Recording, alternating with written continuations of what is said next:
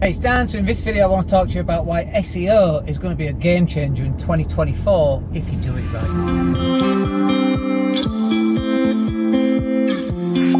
Hey, it's Dan. Hope you're well. So let's talk search engine optimization, shall we? We keep hearing uh, that it's dead and that nobody uses it and nobody needs it and so on.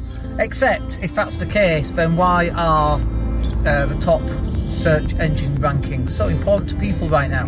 So clearly it's not dead. People do need it. It is important. It might be changing in terms of usage. How many searches, for example, are people carrying out on their mobile device versus their desktop device? And I'm guessing that's probably quite a, a, a significant difference. Uh, I probably do more um, searches on my mobile device than I do on my desktop device. But then also, I think it's important to think about what's the nature of the searches on your mobile device versus your desktop device. And what I mean by that is how many of us are people who want to buy right now versus how many people are just looking for uh, information purposes. So what's the intent? Is it a buyer's intent? And it depends on the product, of course. But I would say that for me, the way that I use uh, my mobile device is I search for something on my mobile device and then when I'm ready to buy it, I'll go over to the desktop. And so the search intent is different depending on what platform people are likely to be on. And so I think that's something that's really important to bear in mind as well.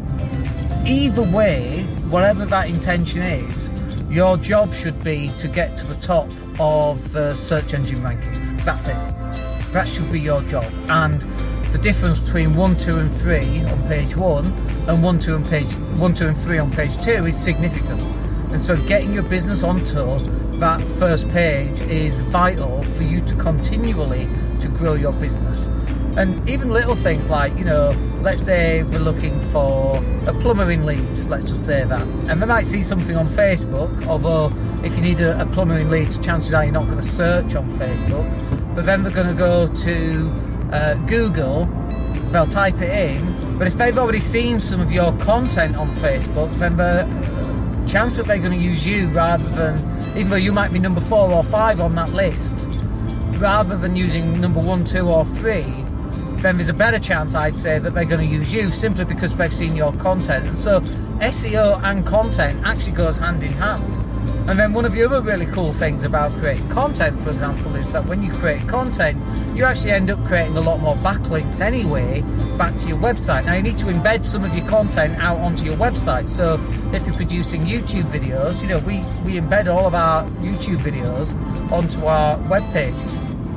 And especially if they're keyword optimized on those web videos, and then the web page is keyword optimized as well. It just means that we have a, a greater chance, a greater opportunity that that web page is going to rank because it's got a video embedded in it with those specific keywords, specific keywords. So the process then that you need to be doing as a business is number one, you need to be writing SEO content for your website. You've got to get found. Number two, you've also got to be creating content around that keyword or phrase for things like um, YouTube and Facebook uh, and so on.